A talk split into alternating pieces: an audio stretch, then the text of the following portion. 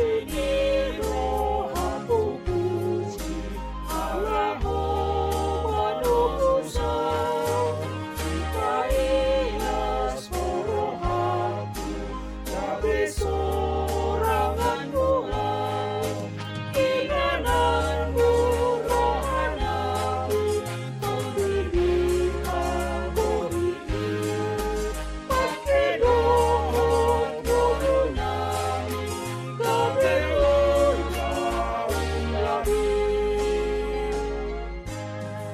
Sorry.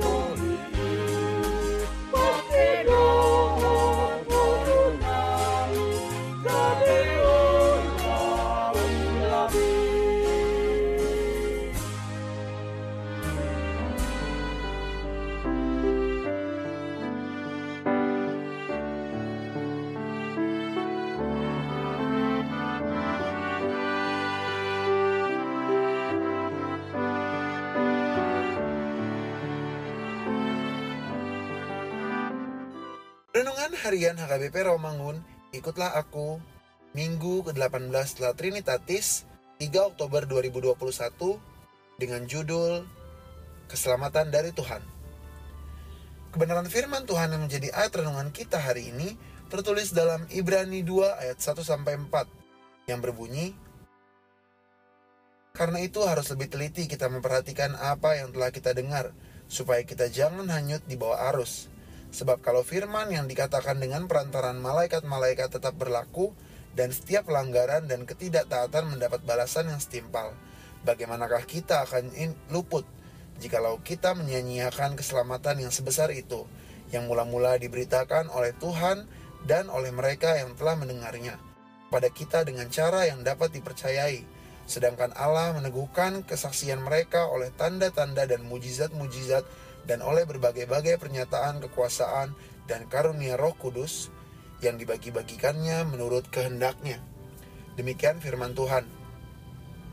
Firman Tuhan hari ini hendak menegaskan kepada kita bahwa melalui firman-Nya Allah menganugerahkan keselamatan yang besar kepada umat manusia melalui Yesus Kristus, Sang Penebus dosa umat manusia.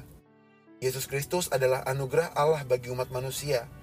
Anugerah Allah adalah sesuatu yang diberikan sebagai penebusan yang dilakukan dengan pembayaran dengan harga yang sangat mahal, yaitu dengan darah dan tubuh Kristus.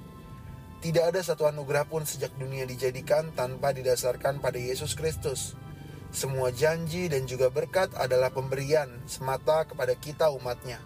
Serta puncak dari keselamatan itu adalah kematian Yesus di kayu salib yang membawa kita kepada hidup yang baru. Keselamatan telah dinyatakan bagi semua orang, maka selayaknya anugerah itu disambut dengan sukacita dan dengan mengagungkan Tuhan. Sebab jika kita sendiri tidak mau menerima keselamatan itu, maka pastilah kita tidak akan menerima anugerah kehidupan yang kekal dari Allah. Maka jangan cari keselamatan dari dunia ini, tetapi hayatilah keselamatan yang telah Allah anugerahkan kepada kita melalui Yesus Kristus. Mari, hayati keselamatan yang besar dari Allah, yaitu firman yang telah menjadi daging.